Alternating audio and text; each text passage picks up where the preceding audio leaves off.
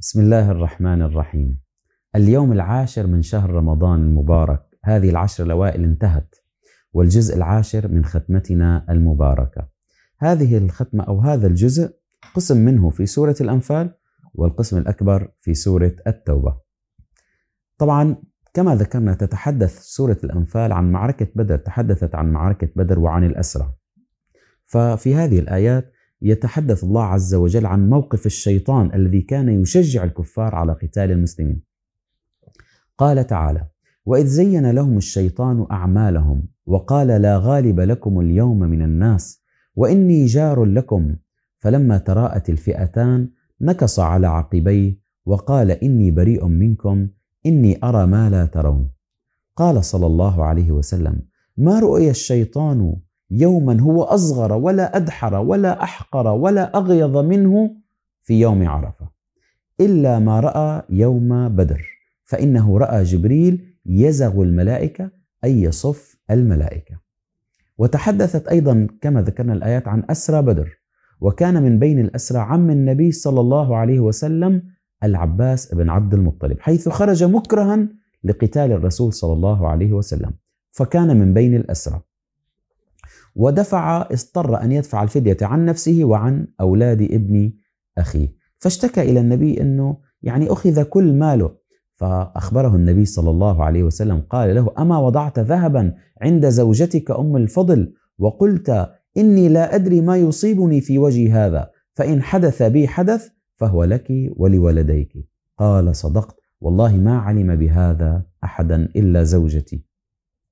انتهت سورة الأنفال. والآن نبدأ سورة التوبة. والتوبة هي السورة الوحيدة في القرآن التي لا تبدأ ببسم الله الرحمن الرحيم.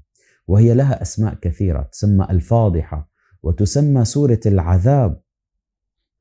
وهي تعنى بجانب التشريع لأنها سورة مدنية. وهي من أواخر ما نزل من القرآن الكريم. روى البراء عن أن آخر ما نزل من القرآن الكريم سورة براءة.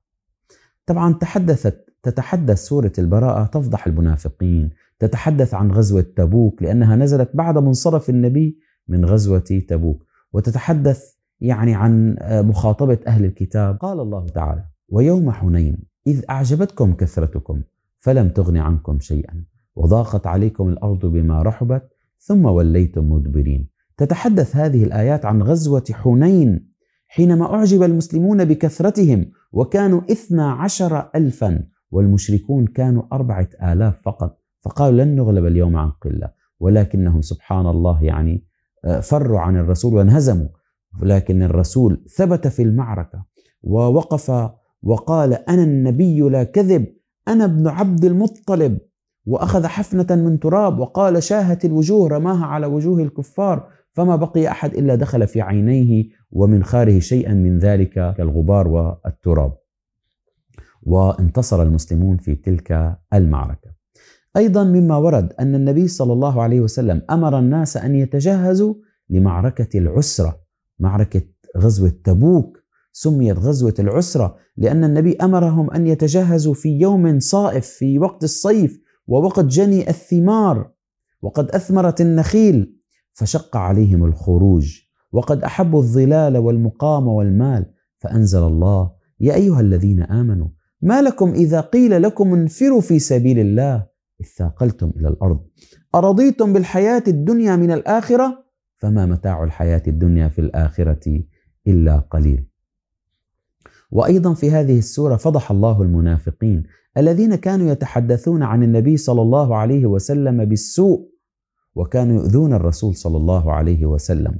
فقال أحدهم لا تتحدثوا فقد يخبر الرسول صلى الله عليه وسلم بذلك ونفضح فقال الجلاس بن سويد قال بل تحدثوا إذا أتينا محمد نأتيه ولا نقول له إلا خيرا فيصدقنا بما نقول.